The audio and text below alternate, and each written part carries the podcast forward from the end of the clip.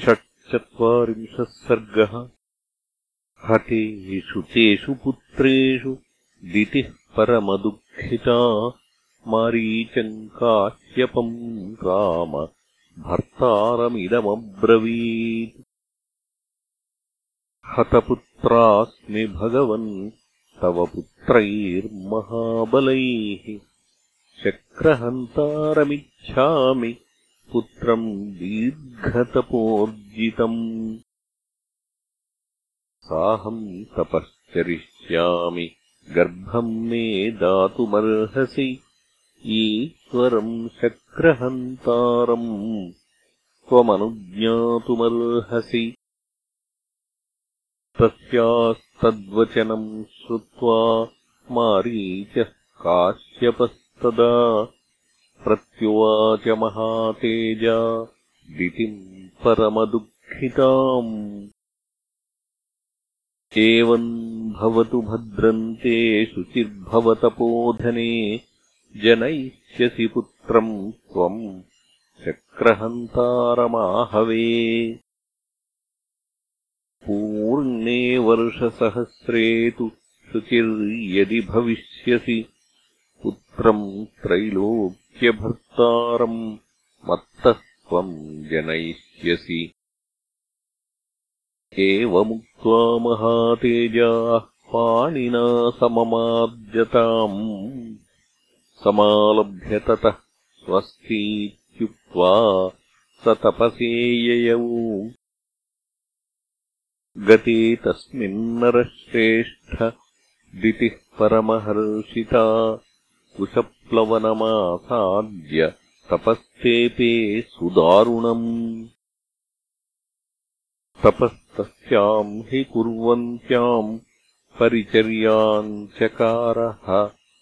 सहस्राक्षो नरश्रेष्ठ परया गुणसम्पदा।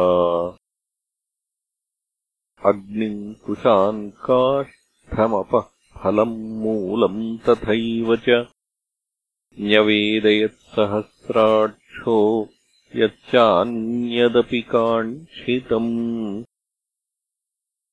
गात्रसंवाहनैश्चैव श्रमापनयनैस्तथा चक्रः सर्वेषु कालेषु दितिम् परिचचारः।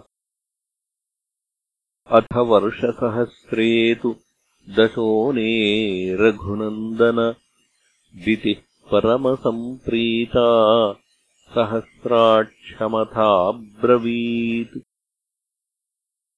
याचितेन सुरश्रेष्ठ तव पित्रा महात्मना। वरो वर्षसहस्रान्ते दत्तो मम सुतम् प्रति।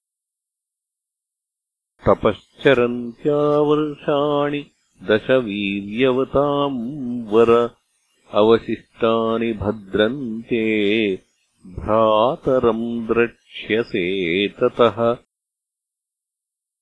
तमहम् त्वत्कृते पुत्र समाधास्ये जयोत्सुकम् त्रैलोक्यविजयम् पुत्रम् सह भोक्ष्यसि विज्वरः। एवमुक्त्वादितिः शक्रम् प्राप्ते मध्यम् दिवाकरे निद्रयापहृता देवी। पादौ कृत्वाथ शीर्षतः दृष्ट्वा तामशुचिम् शक्रः पादतः कृतमूर्धजाम्। शिरःस्थाने कृतौ पादौ जहास च मुमोद च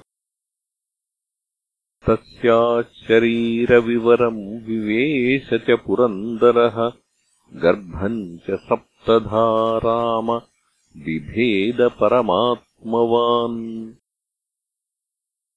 भिद्यमानस्ततो गर्भो वज्रेण शतपर्वणा रुरोदसुस्वरम् राम ततो दितिरबुध्यत मारुदो मारुतश्चेति गर्भम् शक्रोऽभ्यभाषत बिभेद च महातेजा रुदन्तमपि वासवः।